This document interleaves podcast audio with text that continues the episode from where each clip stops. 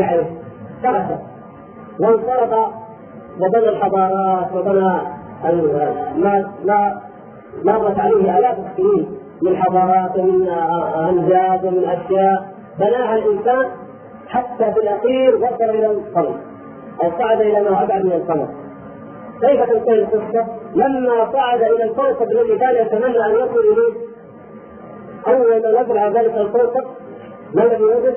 وجد ذلك الشيء المجهول الآخر أمامه عن ذلك الكوكب. يعني معنى ذلك أن الإنسان لم يعلم شيئا ابدا. جهد يتعلم ولذلك يجد ذلك الذي وجده على الأرض ما استفدنا شيئا ما الفائدة؟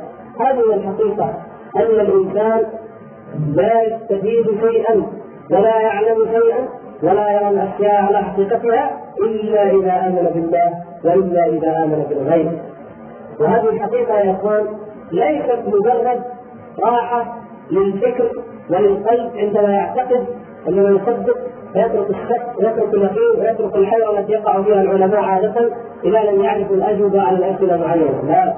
المسألة أكبر من ذلك جدا. المسألة مسألة تطمئنينة طمأنينة القلب أو المعيشة في الذنب يقول الله تبارك وتعالى ومن أعرض عن ذكري فإن له معيشة ضنكا ونحشره يوم القيامة أعمى. يعيش العالم الغربي نتيجة لعدم الإيمان بالغيب في حالة الضنك في المعيشة الضنك في الشدة في الملهب يجري تتقطع أوصال الدرب وأوصال المجتمع ويسبح في هذه الحياة ولكن من غير هدف من غير راحة. من غير اطمئنان على الإطلاق وسبحان الله هل يطمئنون وهم لا يؤمنون بالآخرة؟ هل يمكن أن يطمئن قلب وهو لم يعرف ربه عز وجل؟ هل يمكن أن يسعد إنسان وهو لا يؤمن بالله ولا باليوم الآخر؟ كيف يطمئن؟ إلى أي شيء يألف؟ بأي شيء يألف؟ لا يوجد إلا الصراع الحياة كلها صراع كلها شقاء كلها نكد دول كبرى تصارع دول كبرى أخرى. شركات تصارع شركات تتنافس وإياها أفراد يصارعون أفراد وينافسونهم. آه، الأسرة تحطم الأسرة. المرأة تتكتل ضد الرجل والرجل يتكتل ويتعصب ضد المرأة. الطبقة الغنية تتكتل وتتحزب ضد الفقراء. الفقراء أيضا نقابات واتحادات تتكتل ضد الأغنياء. صراعات انقسامات فوضى رهيبة لا يستقر الإنسان على الإطلاق لا يهدأ ابدا. لماذا؟ أين الإيمان بالغيب؟ الإيمان بالقدر لا يؤمنون بالقدر. لا يؤمنون بأن الله سبحانه وتعالى قد كتب كل شيء وأنه لن يبلغ الإنسان إلا ما كتبه الله تبارك وتعالى.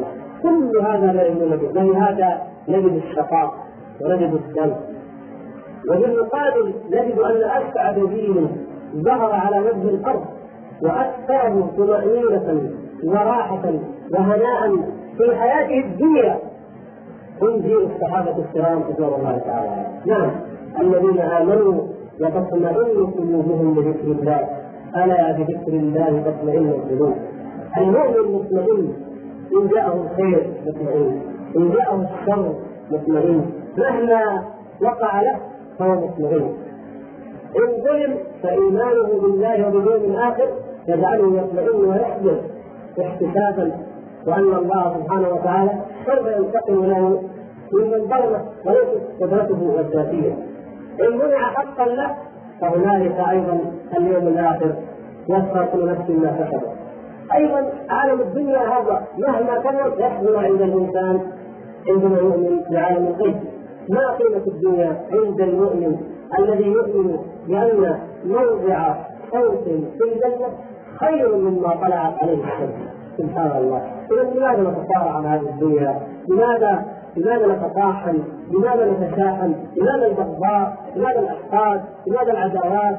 تطمئن نفس المؤمن ويرتاح إن رأى الكفار أو الفجار أو الظلمة أخذوا ما أخذوا هذا تفرغ واطمأن وإن أعطي حمد الله سبحانه وتعالى ولم يشغله ذلك عن اليوم الآخر وعلم أن هذا متاع ثاني زائل وأنه إن تمتع بشيء منه فهو يتذكر متاع الآخرة ويجتهد وليعمل لها وليؤجر على هذا العمل لأنه مشروع لأنه لا فعل المأمور لأنه عف نفسه في هذه الشهوة مثلا أو عف أهله إن كانت الشهوة مال وما أشبه ذلك.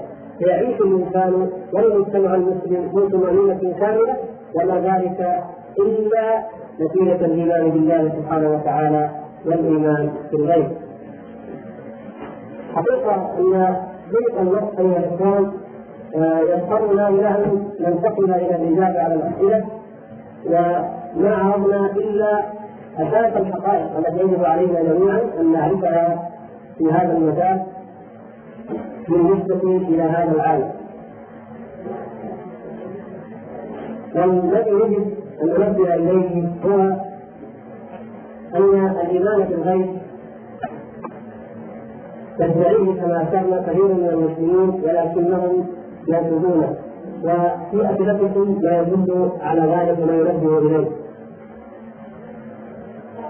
يعني مثلا يقول الإنسان الله يقول الذي يترك الإنسان يترك الأعمال من أوامر ونواهي.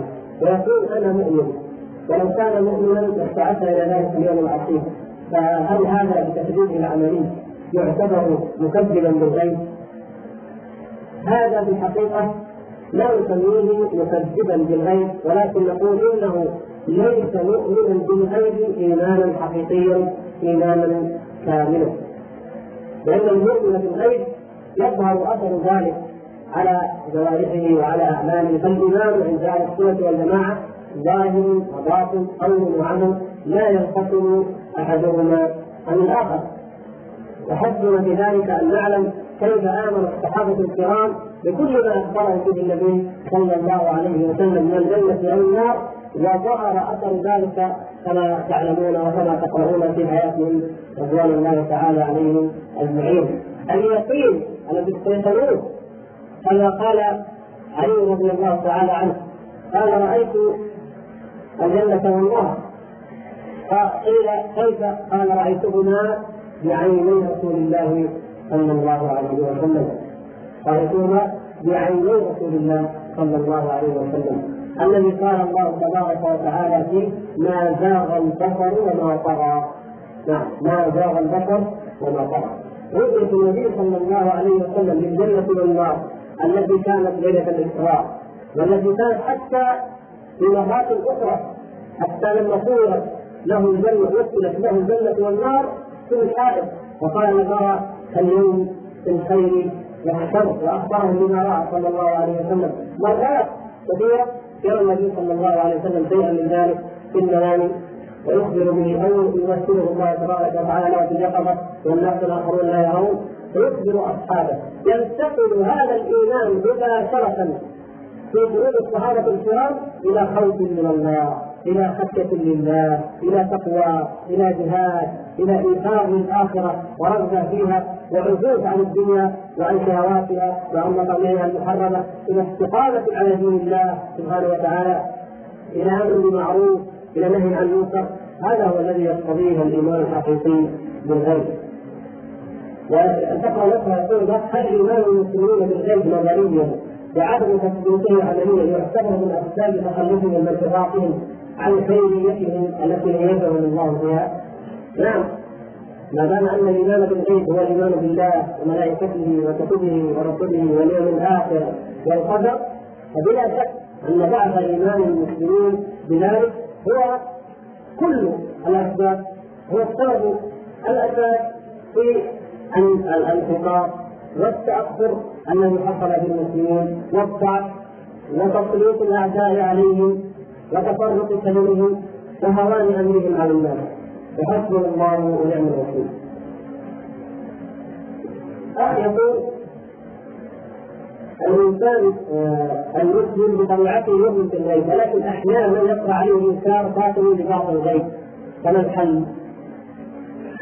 إن كان الاخ السائل يقصد الشك الذي يلقيه الشيطان للوسوسه فلا تبالي بها يا أخي لأن الصحابة الكرام رضوان الله تعالى عليهم وهم أكثر الناس إيمانا في هذه الأمة. ذكروا ذلك للنبي صلى الله عليه وسلم. وقالوا يا رسول الله إن أحدنا ليجد في نفسه ماء يصير حممه يعني فحمه محترقة يود انه يكون فحمه محترقة ولا يتحدث به. فقال له النبي صلى الله عليه وسلم أو قد وجدتموه؟ ذلك محض الإيمان. أو قال ذلك صريح الإيمان. الحمد لله الذي أبدى كيده إلى الوسوسة. الحمد لله. أن الله سبحانه وتعالى رد كيد الشيطان. فلم يجعلنا نشرك ولم يجعلنا مشركين.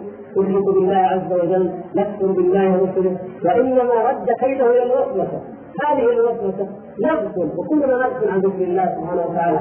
فإذا غفل غمر الإيمان بالقلب فإن الشيطان يجد الفرصه فيدخل فيلقي بشيء من الوسوسة.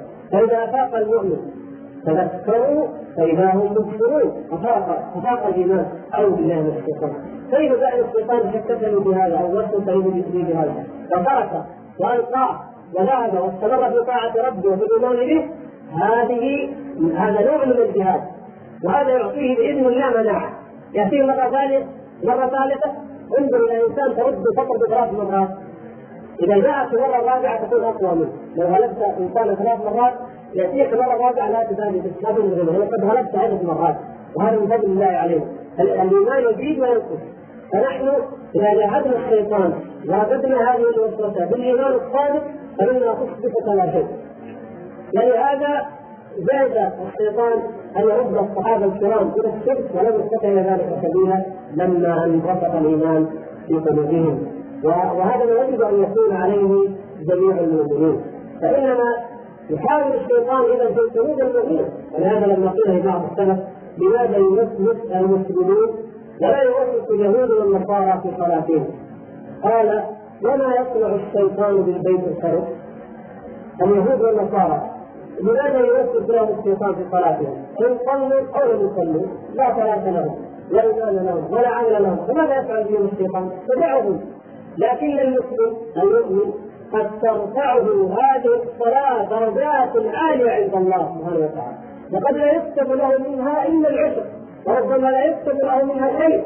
اذا إذا هؤلاء الامتحان هؤلاء عمل الشيطان. عند هذا الذي قد يرتقي به الإيمان إلى درجة العليا فيوسوس إليه حتى يضعف فيهبط فيضعف ذلك الإيمان. أو يذهبه وأما إن كان يقصد أن هناك من ينكر بعض امور الغيب فنعم هذا موجود. من الناس من ينكر الصحة مثلا. أو ينكر أن النبي صلى الله عليه وسلم بالذات السحر وأنا لا أصدق.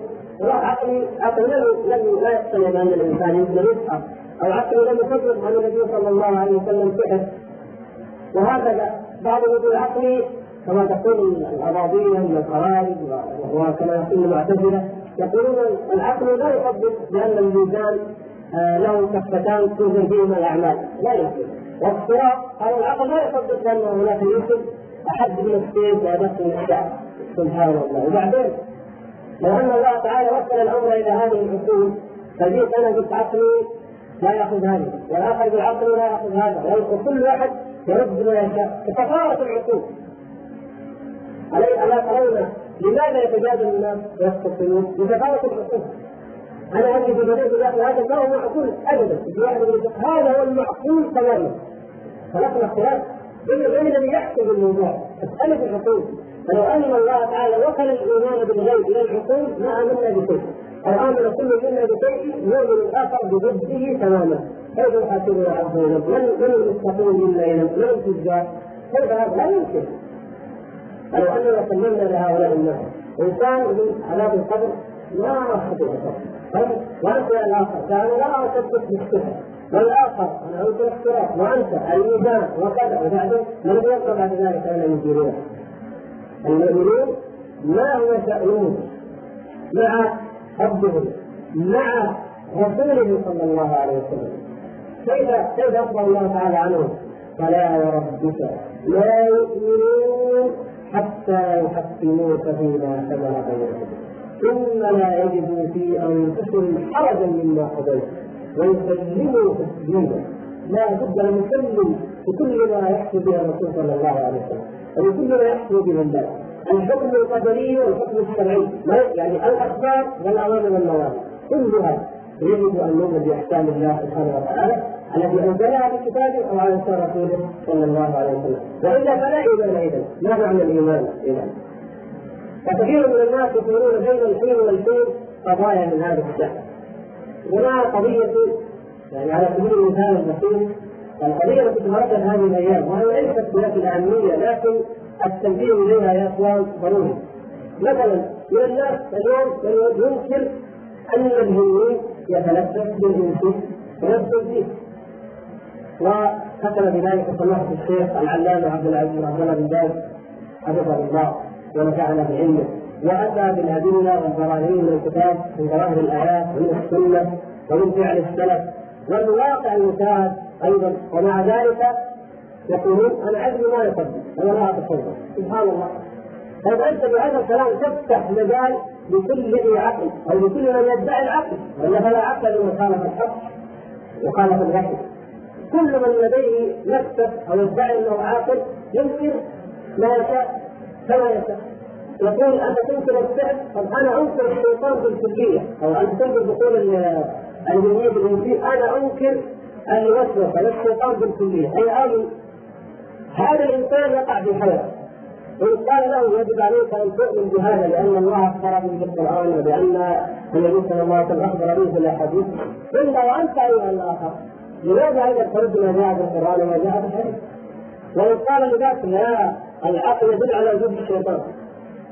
فإن ذلك إن لم يبلغه المنشد الذي إن لم يبلغه فإنه سيحييه ولهذا قال شيخ الإسلام رحمه الله عن أهل الكلام لا للفلاسفة كفروا ولا للإسلام نصروا ما ما نفعوا لا هنا ولا هنا لأنهم جاءوا استسلموا للمقدمات العقلية التي يحتج بها أولئك وبدأوا يجادلونهم على طريقتهم فضاعوا.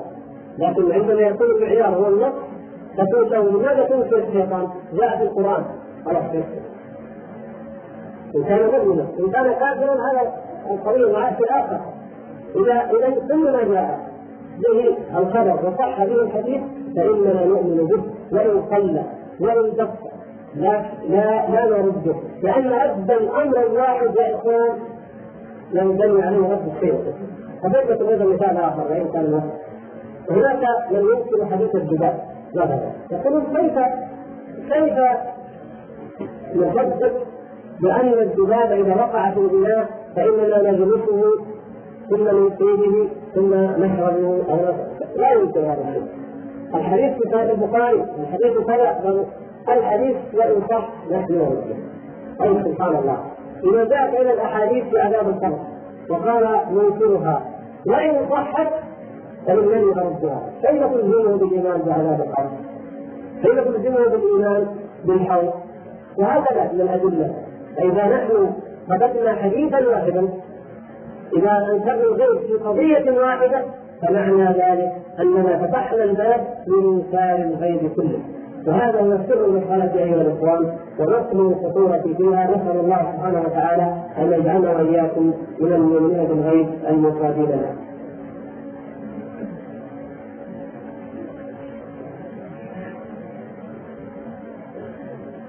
لكن يقول آه، قلت من خلال حديثك انها لا تقبل المصطفى لأنه أصبح يؤمن بحياة الشهادة. قال تفضل بشرح هذه العباره المحتضر الذي رأى الملائكة الذي عاين يوم يرون الملائكة لا بشرى يومئذ للمجرمين ويقولون كلهم محذورا الإنسان إذا رأى الملائكة لم يعد مؤمنا لأن المؤمن هو الذي يؤمن بماذا؟ بالغيب. فإذا رآها عيانا بالعين ولم يؤمن به اذا انتقل إلى من عالم الغيب إلى عالم الشهادة فهو آمن بشيء محسوس. فمثل هذا مثل الذين آه، يقفون على النار يقفون بين يدي ربهم يوم القيامة فيقولون يا ليتنا نرد ونعمل غير الذي كنا نعمل. لا في هذه الحال لا ينفع الرجوع لا ينفع التمني لأنه رأوا النار رأوا الجنة ورأوا الله سبحانه وتعالى. أي رأوا ما كان في عالم الغيب وإلا فهم عن ربهم محجوبون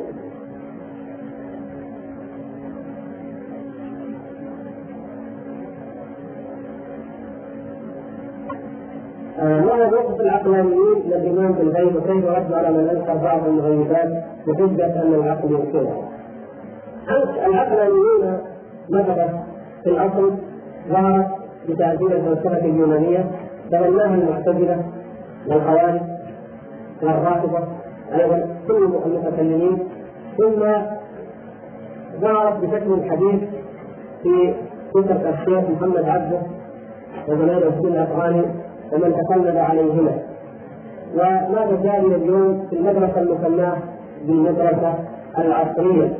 أي التي تفسر الإسلام تفسيرا عصريا يتناسب مع العلم ومع العصر الحديث بزعمه ومنتظر من عالم الغيب يتناقض بمعنى أن كل منهم يثبت ما يثبت الآخر أو ينفي ما لا ينفي الآخر وهكذا لأنهم لا يرجعون إلى معيار ثابت سلوك حسب الإنسان أن يخرج عن الطريق المستقيم عن الجادة وبعد ذلك تتشعب به الطرق يذهب كل مذهب هؤلاء ينكرون بعض الأشياء بحجه أن العقل أو أن العلم ينكرها ولم يصحح بها الأخبار.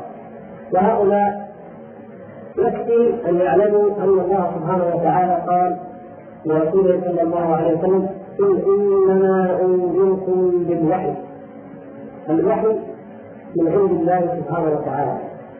لم يأتي النبي صلى الله عليه وسلم بشيء من عنده قط ولو ان العقول وحدها تكفي فلماذا يبعث الله تبارك وتعالى الرسل؟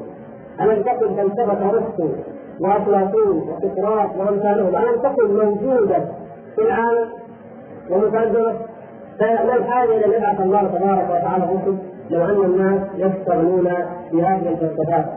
ولكنها فلسفات وثنية ضالة حائرة.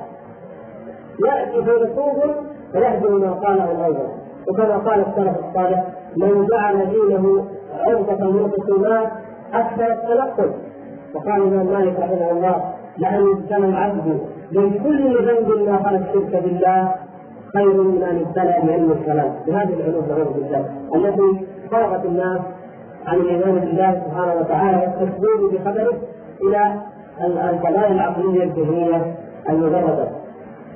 والحقيقة أن العقلانيين المعاصرين وان كان الوقت يضيق عن شرح هذا الكلام هم في الحقيقة لهم من الامتداد للمذهب الذي ظهر في مصر واشرنا إليه. والشيخ محمد عبد المذهب من وراء هذا المذهب وهو يعتبر تلميذ تلميذا للفلسفة الوضعية التي وضعها الفيلسوف الفرنسي المعروف أوغست كونت. هذا كونت وضع الفلسفة الوضعية وهي مبنية على أن العالم الإنساني تطور إلى ثلاث مراحل مرحلة السحر ثم مرحلة الدين ثم مرحلة العلم. والشيخ يعني يفصل بين هذا الكلام وبين ما يعتقده من دينه. فقال اننا الآن في المرحلة الجديده يجب أن نصلح نحدث في الإسلام اصلاحا نجرده من كل ما يتناسب مع المرحلة الحديثة التي هي مرحلة العلم. ومن هنا أنكر الطور الادبي وأنكر آه، الشياطين أو الجن وأنكر ما انكر وقد أفضى إلى ربه وقدم إليه ولا يستطيع المجال اصابه أكثر من ذلك.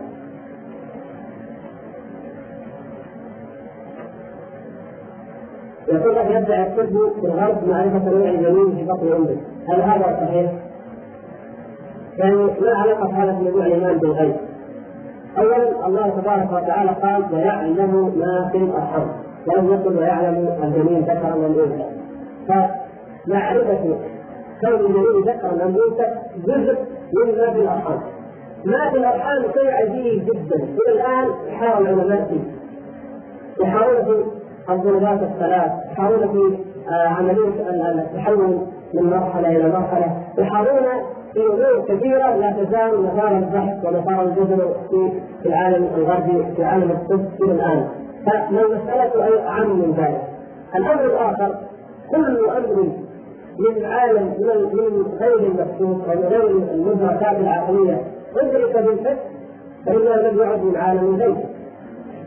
يعني أنت لو أن إنسانا لو أن رجلا قال أنا أعلم ما في بطن هذه البقرة الحامل. تعلم يا شيخ انه ذكر انثى يقول نعم أعلم ذلك. لماذا؟ قال أنا ولي مثلا أنا كذا أنا يأتيني يعني الكرامه يأتيني. هذا ماذا يسمى في ديننا؟ هذا كاهن هذا عراف هذا كاذب. وإن صدقه ما يقول فقد كفر بما انزل على محمد. لكن لو ان طبيبا قال أنا أعرف ذلك. كيف؟ قال أنا اعمل اشعه واعرف ذلك. نقول له ما في شيء هذا؟ ما في شيء لأن هذا لم يدعي علم الغيب. إنما استطلع امرا ما بشيء محسوس. وهذا خرج من عالم الغيب لم يعد من عالم الغيب. وليس له وسيلة غيبية كما يدعي ذلك. الآخر. أيضا ان الانسان شق هذه البقرة الحامل ذبحها وأخرج من بطنه وعرف ما فيه. يقول هذا علم الغيب لا راه. علم الغيب هو الشيء الذي يعلم ولكن لا وسيلة إلى ادراكه بالإدراك الحسي أو الادراك العقلي العادي. ليس المقصود بذلك كل ما غاب أو كل ما خفي عن الإنسان؟ فإذا عرفوا لم يعرفوا ليس لذلك تفسير على الإطلاق بأن هذا من الخمس التي اختص الله تبارك وتعالى بعلمها. الكتب لا الكتب التي تتكلم عن الإيمان بالغيب بالبعث والنشور والافتراق وغيرها من امور الغيب قديما وحديثا.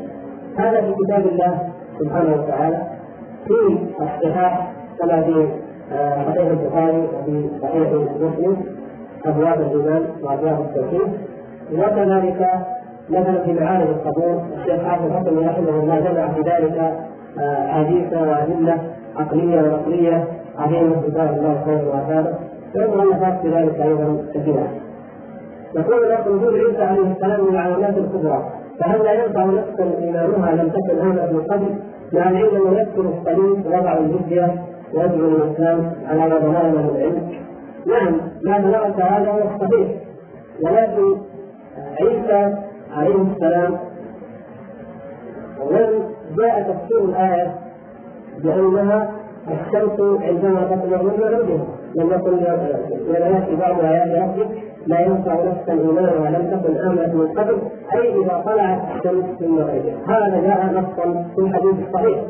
الأمر الآخر أن ذلك يكون بعد نزول عيسى عليه السلام وبعد أن يؤمن به من يؤمن. ويكفر به من يكفر. ولهذا قال من قال من السلف ان طلوع الشمس من مغربها هو اول الآيات أي اول الآيات غير المقصوده غير المألوفة. فنزول عيسى عليه السلام مألوف. وإنما يكون طلوع الشمس من مغربها بعد نزوله عليه السلام.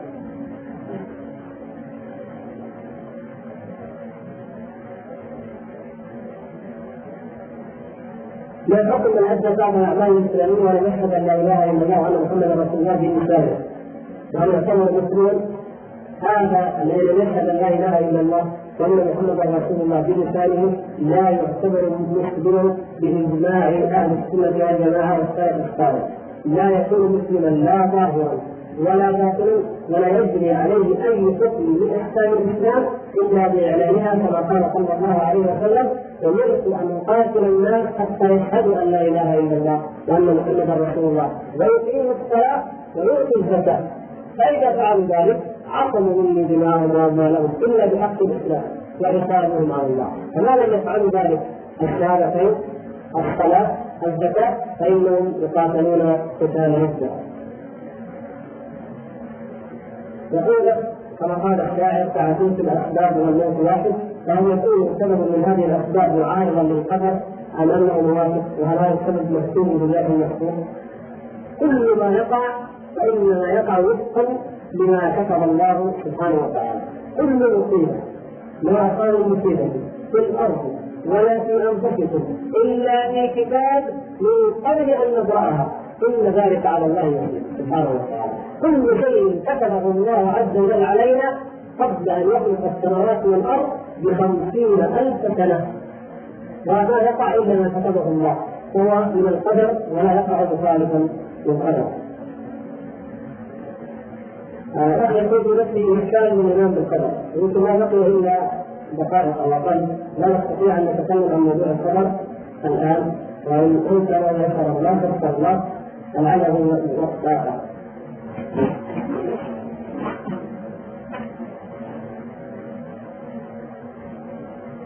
ذكرت انه يوجد الان ايمان بالماديات الإيمان بالمحسوس. فهل هذا من أسباب الشرك أو من الشرك. هو من عبودية الدنيا من كان وجود الله سبحانه وتعالى وإن كان الآخرة فهو شرك في الربوبيه وهو من أسباب الشرك أيضا لأن التعلق بالدنيا حتى لو وقع ممن يؤمن بالغيب مالا وغنيا. فلا شك أن هذا مما آه، لا يصح ولا